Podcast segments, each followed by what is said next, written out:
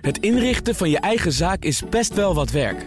Daarom biedt IKEA voor Business Netwerk 50% korting op interieuradvies. Word gratis lid en laat je werkplek voor je werken. IKEA, een wereld aan ideeën. Baanbrekende businessmodellen wordt mede mogelijk gemaakt door Salesforce. Verenig je rond je klant met Salesforce. Blijf scherp. BNR Nieuwsradio. Baanbrekende businessmodellen. John en Patrick. Naam van jullie bedrijf. CCV. Wat vinden klanten het allerbelangrijkste aan jullie oplossing? Dat het het doet. Wie zijn je belangrijkste concurrenten? Agen, Worldline en Najax. Wat is de belangrijkste ondernemersles die jouw vader jou leerde? Altijd innoveren en overnemen.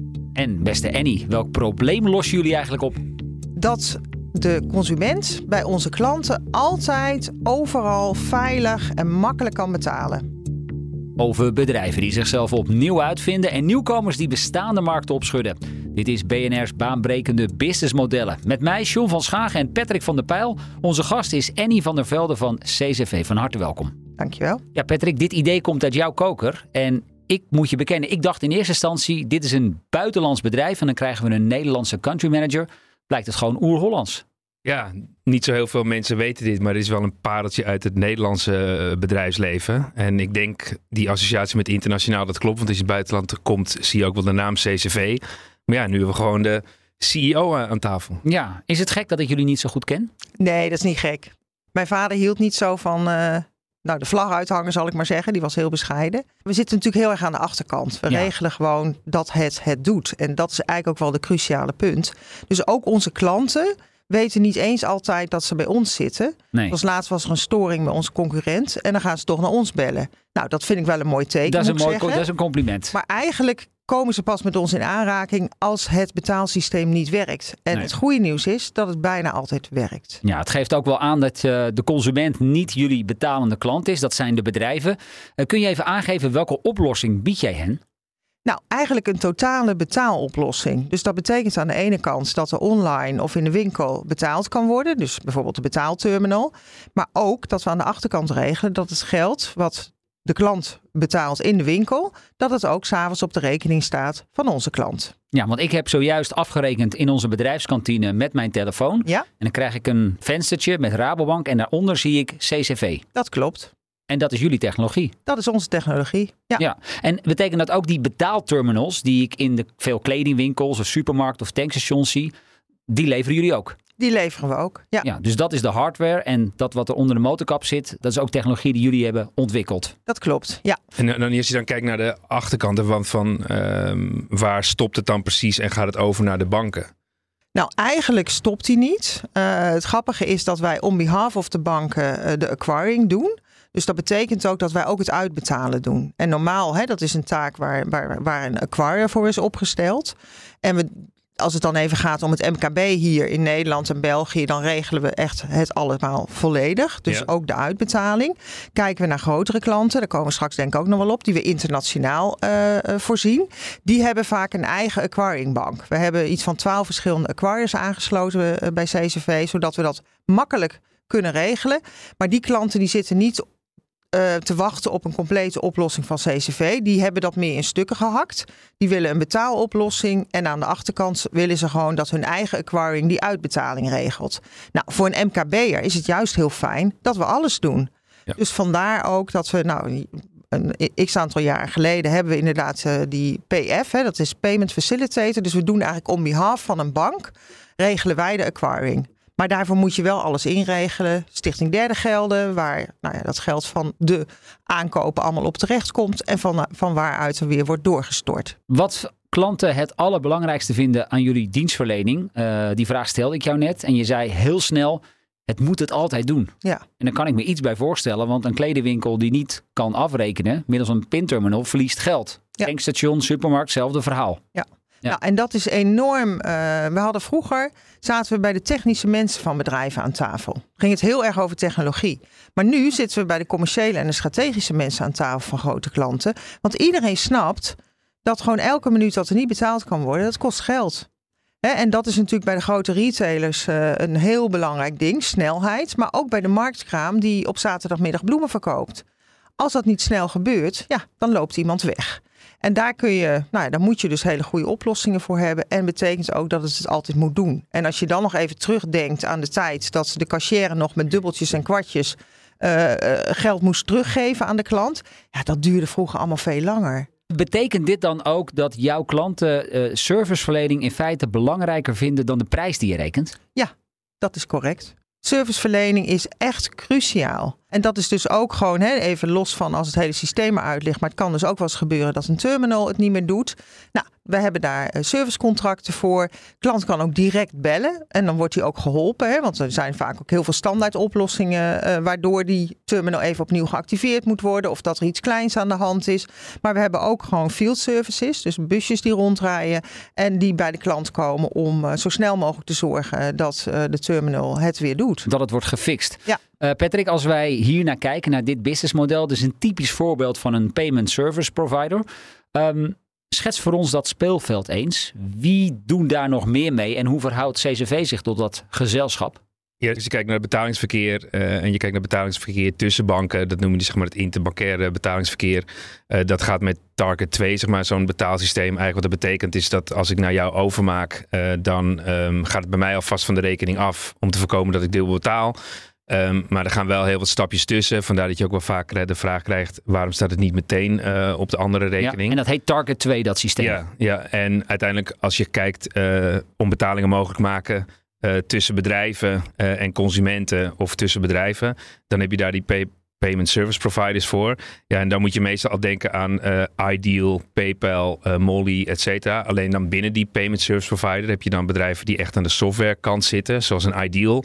Maar je hebt dan ook een provider zoals een uh, CCV, die zowel de software kan uh, voorzien uh, en andere dienstverleningen kan voorzien. En ook een point-of-sale systeem hebben. Dus zeg maar zo'n betaalkastje, zodat je de transactie mogelijk maakt. En als ik jou vraag om de concurrentie, je noemde er net een paar. Adyen zat daar ook tussen. Ja. Hoe zie jij dat speelveld en hoe zie jij je eigen positie met name binnen die competitie? Nou, kijk, uh, ten eerste heb je natuurlijk partijen die vanuit de e-com komen, die naar de post toe gaan. En je hebt postpartijen die naar de e-com gaan. He, dat, dat is even de, de basis. En de postpartijen zijn? Nou, dat zijn de point-of-sale partijen zoals Worldline en CCV. Hè. Wij zijn van oorsprong natuurlijk veel sterker in de post dan, uh, dan in e-com. En Adyen en, en Molly komen natuurlijk vanuit, uh, vanuit de e-com. Um, als je kijkt naar Adyen, die heeft zichzelf anders gepositioneerd. Die zit ook vaker gewoon bij de echt hele grote spelers.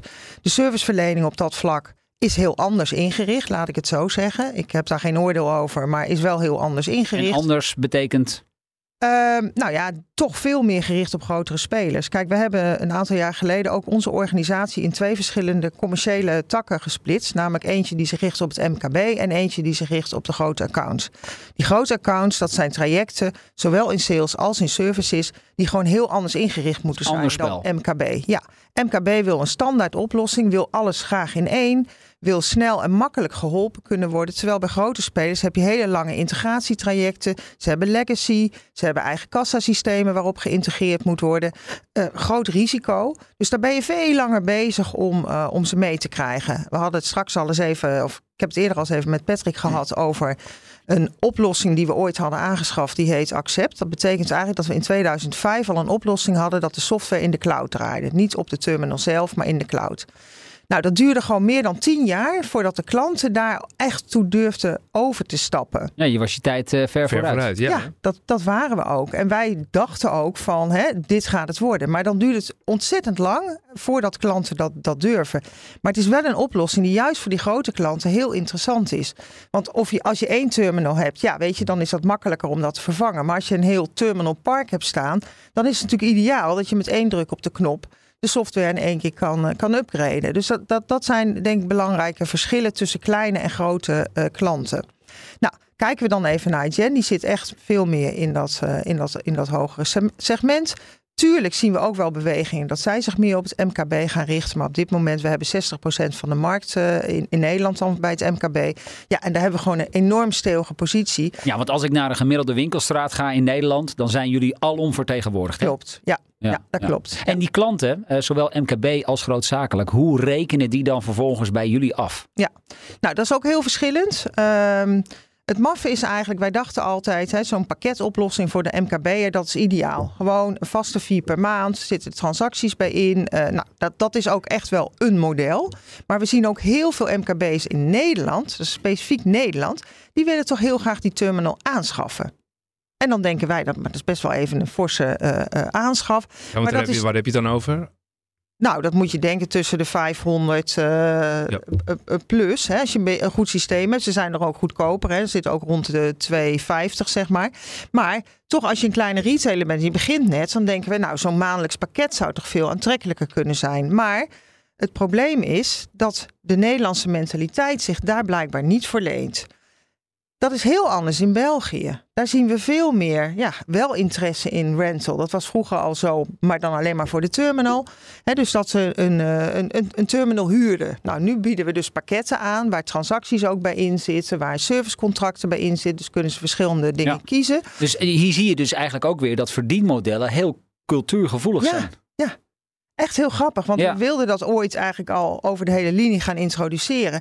Ja, en toen bleek die Nederlandse klant daar helemaal niet op te zitten wachten. Die wil dat ding gewoon hebben. Ja, maar misschien ook een soort zekerheid of zo. Van ja, uh, ja dan heb ik dat ja. maar vast betaald. Dus als we dan even ook. kijken naar Nederland, die terminal die willen ze kopen. En dan vervolgens is het per transactie of per bedrag. Hoe, hoe werkt dat? Nou, um, je moet je voorstellen, we hebben debitcards en creditcards. En de, de, de pricing achter debitcards zijn anders dan achter de uh, creditcard. Dus bij de debitcard betaal je gewoon een vast bedrag bij ons dan per transactie.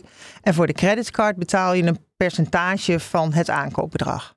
Dat is nou eenmaal zo. Hè? Dat zijn ook de afspraken met, uh, met de schemes daarover. Dus ja. daar zitten andere uh, verdienmodellen achter. En dat doe je in Nederland, België en de andere markten waarin jullie actief zijn?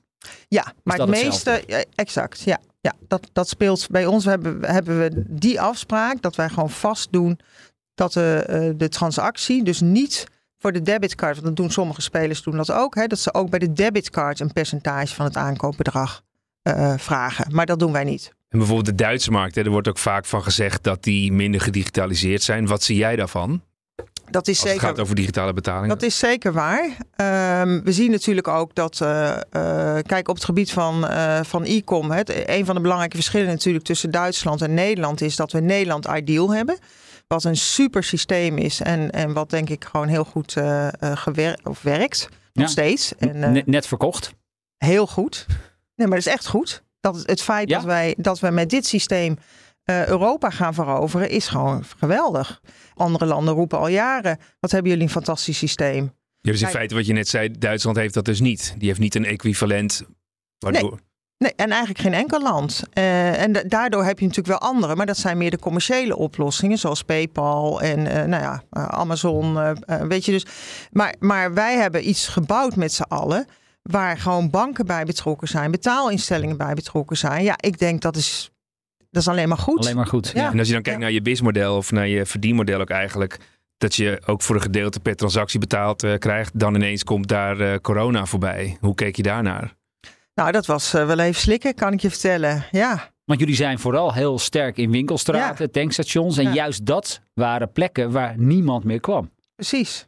Dus dat was een, uh, een crisissituatie. Spannende, periode. Ja, maar kun je dan misschien niet tegelijkertijd dan ook concluderen dat jullie rijkelijk laat zijn uh, gestapt in dat online domein, wat toch grotendeels wordt ja, beheerst door partijen als Molly en Adyen?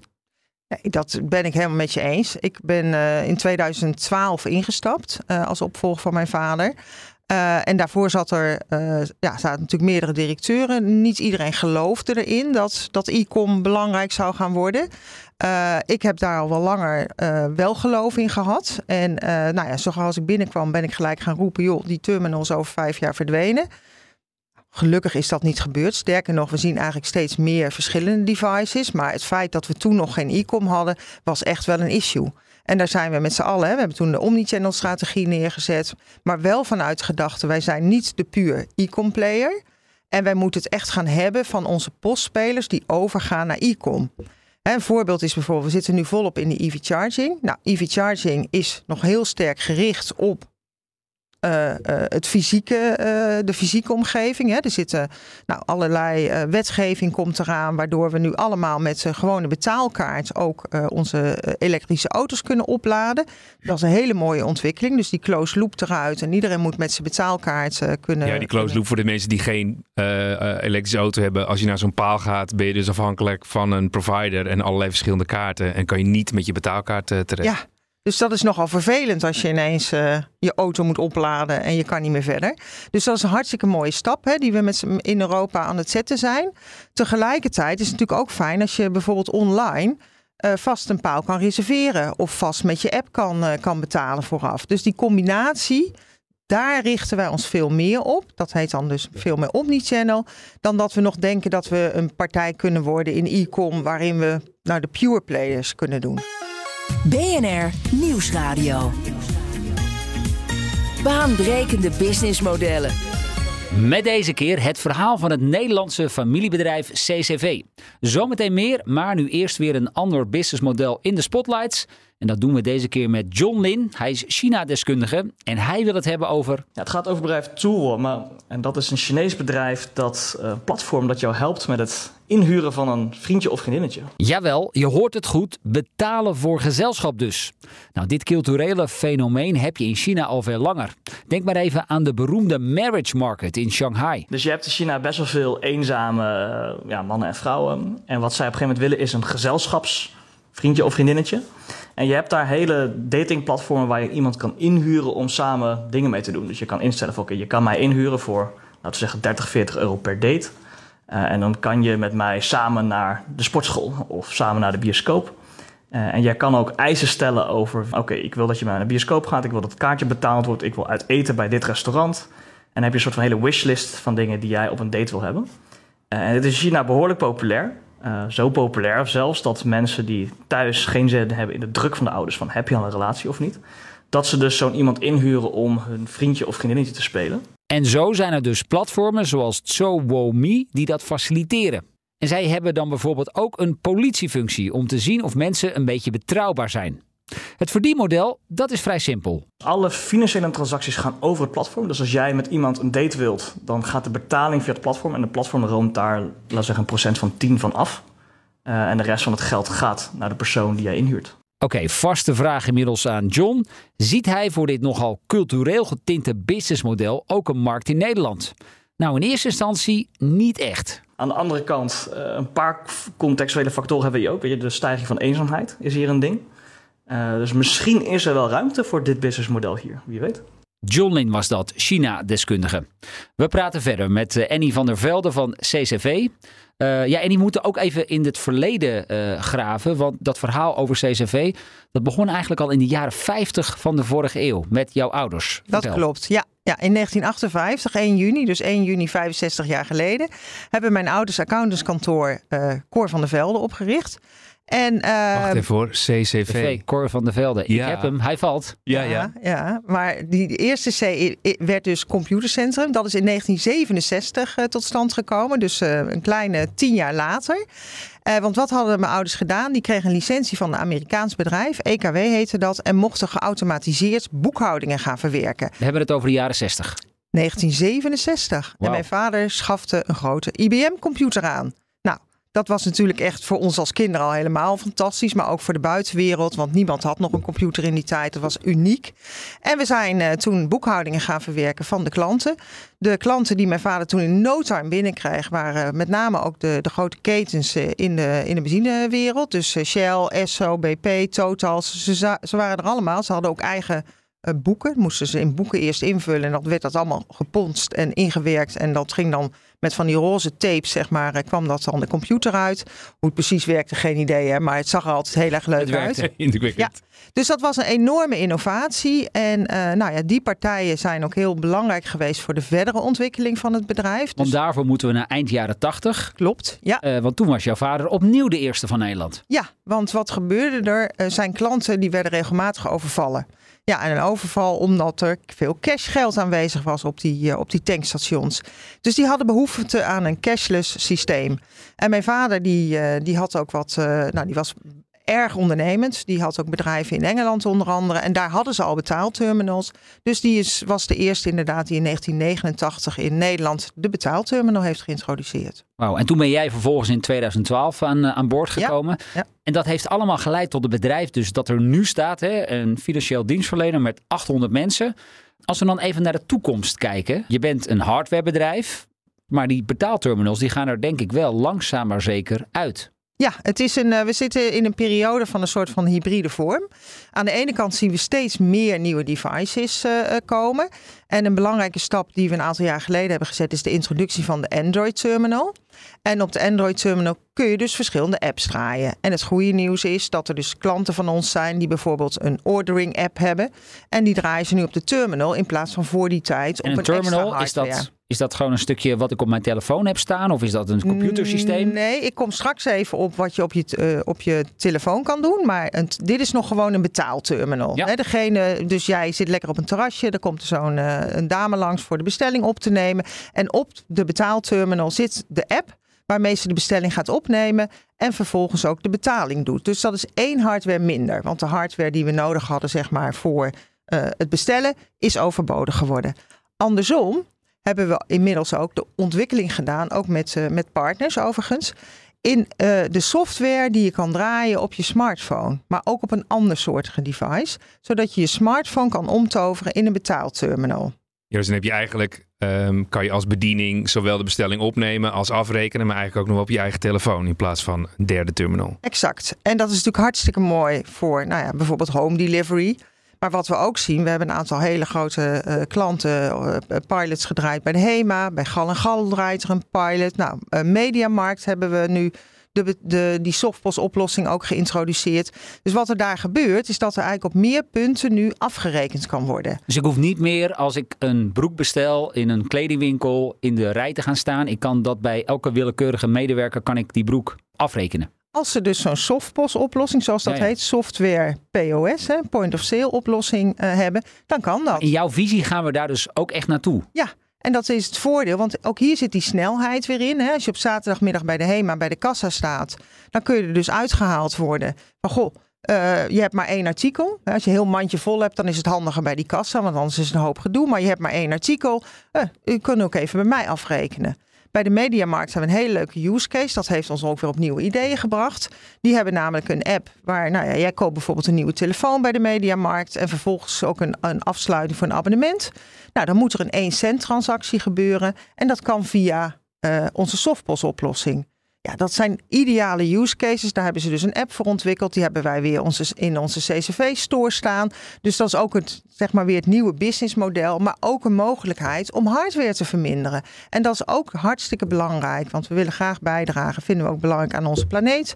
Sustainable Development Goals. Dus met z'n allen ervoor zorgen dat we minder hardware hebben. Maar en je had ook op een gegeven moment kunnen zeggen in 2014, nou, ehm, hardware is het belangrijkste onderdeel van ons bedrijf. Het kost toch wel heel veel eh, bloed, zweet en tranen.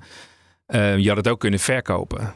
Ehm, dat je dacht, ik zie het niet meer zitten. Wat maakt dan dat je uiteindelijk toch de weg vindt naar software en je ogen open houdt voor dat soort ontwikkelingen?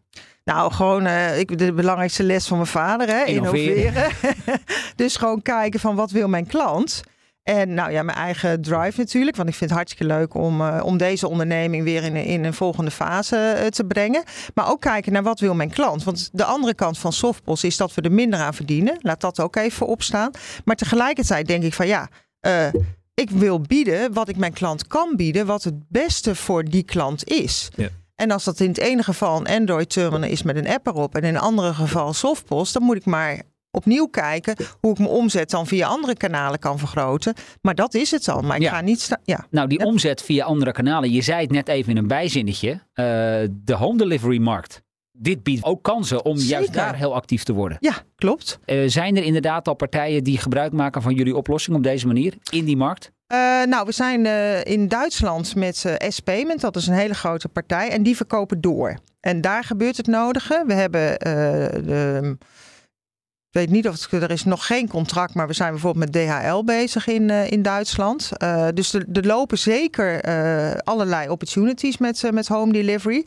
Ja, en wat ik bijvoorbeeld hoor, kijk, IKEA, die, de meeste dingen bij IKEA die worden online gekocht of in de winkel en die worden dan thuis bezorgd. Maar er zijn ook altijd nog dingen die niet gelijk betaald zijn. Nou, nu hebben, hebben al die IKEA vrachtauto's een terminal dat zou toch veel makkelijker met zo'n softpost kunnen. Weet je, het zijn twee of drie transacties per dag die ze doen. Dus je moet je ook realiseren dat het in die zin inderdaad cannibaliseert, maar aan de andere kant een oplossing biedt die voor die klant beter, goedkoper ja, en makkelijker is misschien. Ja, want eigenlijk zag je dan als je destijds in 2012 keek, uh, en alle kassasystemen, om het zo te zeggen, dat is dan zo'n groot apparaat wat dan in een restaurant of in een uh, Bruna staat als je dat als uitgangspunt had genomen, zie je dus dat er daarnaast een heel arsenaal aan um, boxjes zijn gekomen, waardoor je langs een parkeerpaal kunt en daar kunt afrekenen. Of langs een uh, koffiezetapparaat.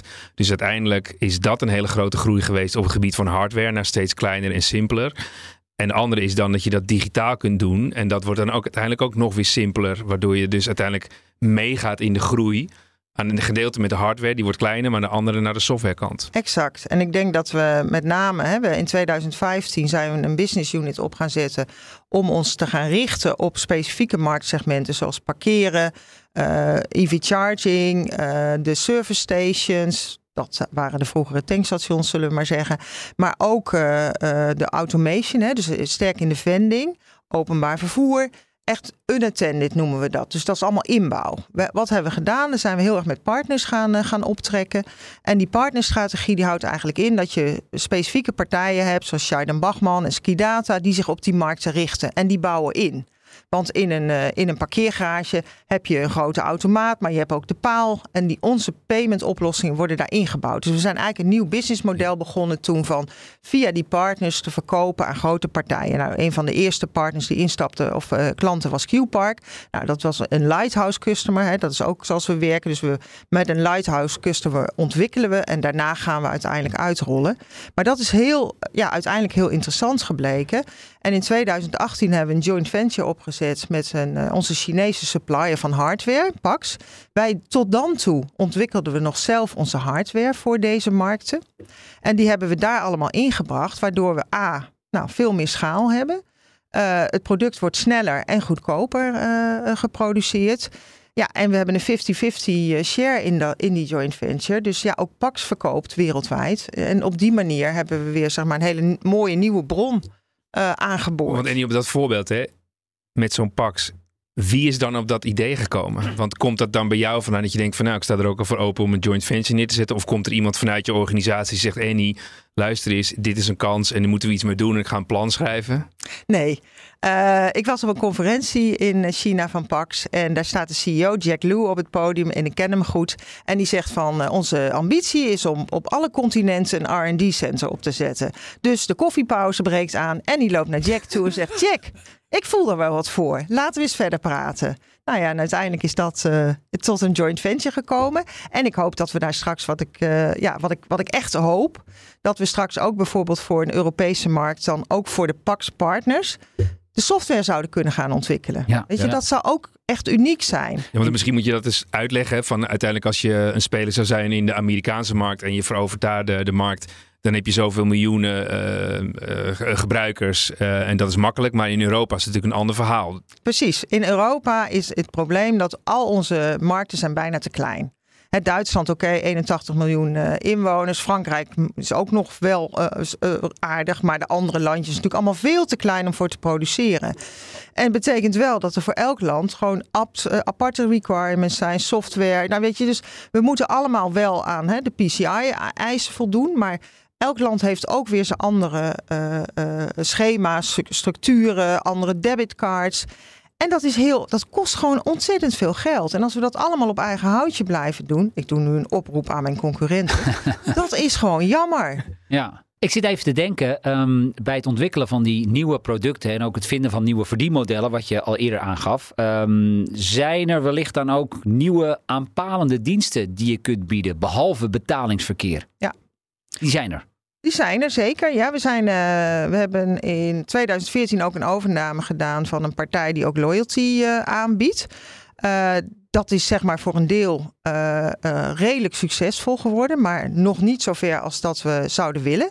Een leuk ding, een beetje een zijstapje daarvan, is dat wij loyalty-programma's aanbieden aan steden, zodat ze gezamenlijk data kunnen genereren. Want, en dan Hoe moet ziet je... dat er dan uit? Een Nou, loyalty-programma voor steden? Ja, een loyalty-programma voor steden. Het gaat dus, nou ja, dat was natuurlijk tijdens corona een, een hele mooie. Uh, gewoon een platform waar ofwel bijvoorbeeld uh, giftcards gekocht kunnen worden, maar ook waar, uh, waar een loyalty systeem kan worden aangeschaft, zodat allerlei kleine winkeliers daar ook aan mee kunnen doen. Hè, voor een, een, individuele winkelier is een, een gedigitaliseerd loyalty systeem best prijzig. Nou, als je dat op een andere manier kan aanpakken, dan betekent dat gewoon dat ook kleinere spelers mee kunnen doen, maar dat ze ook gezamenlijk marketingactiviteiten kunnen opzetten. Want een bakker die in zijn eentje marketing doet, dat zet vaak ook niet zoveel zoden aan de dijk. Terwijl als je weet dat, dat ook hè, bepaalde andere winkeliers dezelfde klantenkring heeft, kun je gezamenlijk acties uh, ondernemen. Dus nou, dat, dat zeg maar, dat systeem. En daar hebben we uh, inmiddels best wel wat uh, succes mee geboekt. Zeker in die coronaperiode. Maar we zijn nu bezig met een next phase. En dat heet Cardlink Loyalty. En daarmee gaan we eigenlijk ook wederom onze gewone EMV-kaart, dus onze debitcard, gebruiken om loyalty aan te koppelen. En we zijn met een aantal grote retailers bezig om nou ja, dat verder uh, vorm te geven. Uh, ja, ik hoop dat dat dit jaar uh, ook echt het licht gaat zien. dus dat, zijn, dat, is dat is een voorbeeld van een, een aanpalende oplossing die we bieden. Tot slot dan nog even. Um, je noemde net China. Daar kom jij zo af en toe. En daar zijn ze op het gebied van betalen, denk ik, alweer een stukje verder dan hier in Europa. In, in Amerika heb je inmiddels ook Amazon Go. Ja, dat is gewoon een kwestie van afrekenen wat helemaal automatisch gaat. Is dat, zijn dat ook technologieën waar jullie nou langzaam maar zeker naartoe willen bewegen? Zeker. Ik denk, kijk, Amazon Go hè, en, en ook gewoon de, de, sowieso de micromarkets, dat je gewoon de winkel uitloopt en het is betaald. Daar gaan we zeker naartoe. Ik riep in 2012 begon ik al ook over die RFID-chip. Van jongens, uh, implanteer maar en uh, het is geregeld. Hè. Er zijn wel meer van die maloten in Nederland die dat roepen. Bij tijd en wijlen. Maar daar, dat, daar zijn we wat huiverig voor. Dat zal ook zo snel niet gebeuren. En je wil natuurlijk ook nog wel even zien van, hè, klopt het wel? Hè? Je wil natuurlijk niks te veel betalen. Maar dat is wel waar we naartoe gaan. En ik denk dat daar, nou, de veiligheid is natuurlijk heel belangrijk. Hè? Security. Uh, we moeten zelf er ook met z'n allen van uitgaan dat het goed werkt. Hè? Dat was in het begin natuurlijk ook bij de poortjes ja. met de OV-chipkaart. Ja. Dat mensen ook nog dachten, ja, maar als ik daar in de buurt kom, word, ik dan, wordt er dan ook wat afgeschreven. Dus nou, die angst door contactloos betalen is inmiddels wel weg. En de privacy. En de privacy is heel belangrijk. En daar zitten wij natuurlijk heel anders in als in een land als, uh, als China of uh, nou, ja, de US. Daar wil ik het even er me niet over uitlaten. Maar kijk, in China zien we natuurlijk met, met WeChat. Uh, WeChat weet alles van iemand. Want je, de apps gaan er doorheen, de aankopen gaan er doorheen, de bankzaken, eigenlijk al je social media. En dat is, vind, vinden wij denk ik hier in West-Europa echt heel bedreigend. Het is ja. een ideaal systeem. En uh, nou, als je er inderdaad met je bankkaart komt, kijk eens je aan van die is gek geworden. Dat is een ander verhaal. Maar ik denk dat, dat voor ons de, de angst van dat je alles in één zo'n uh, in de handen legt, eigenlijk van één provider. Ja, dat denk niet dat nee. wij dat gaan doen. Annie van der Velde dus van uh, CCV. Wat staat voor? Computercentrum Cor van de Velde. Dankjewel voor dit gesprek en jouw komst naar de studio.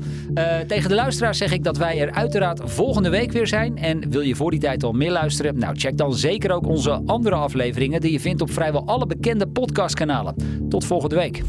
Baanbrekende businessmodellen wordt mede mogelijk gemaakt door Salesforce. Verenig je rond je klant met Salesforce. Het inrichten van je eigen zaak is best wel wat werk. Daarom biedt IKEA voor Business Netwerk 50% korting op interieuradvies. Word gratis lid en laat je werkplek voor je werken. IKEA, een wereld aan ideeën.